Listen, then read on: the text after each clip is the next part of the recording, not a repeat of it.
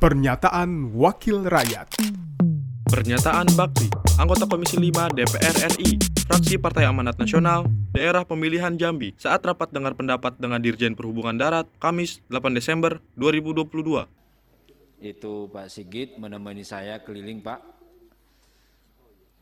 Sampailah ke satu titik yang namanya Desa Kotoboyo. Ada polisi yang jaga di sana Pak. Saya tanya berapa kendaraan di sini Ulu Alang Ilir Mudik hampir 18 ribu. Katanya kendaraan itu Pak. Dan macet itu kadang-kadang sampai 15 sampai 20 kilo. Nggak bisa bergerak Pak. Ini akibat daripada kepadatan dan berbagai juga jalan yang rusak.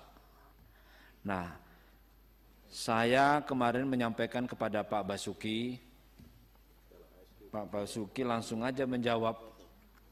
Saya sudah pernah bicara dengan Pak Gubernur Jalan satu-satunya adalah kalau jalan Bapak mau dibetuli, Bapak harus bikin bagaimana angkutan batu bara itu bisa melalui sungai. Itu itu jangka panjang.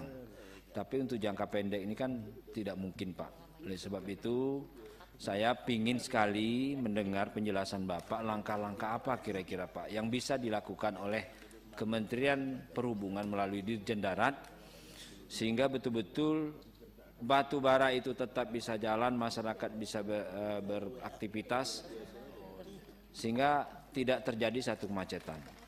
Pernyataan Bakri, anggota Komisi 5 DPR RI, fraksi Partai Amanat Nasional, daerah pemilihan Jambi, saat rapat dengar pendapat dengan Dirjen Perhubungan Darat, Kamis 8 Desember 2022. Produksi TV dan Radio Parlemen, Biro Pemberitaan Parlemen, Setjen DPR RI.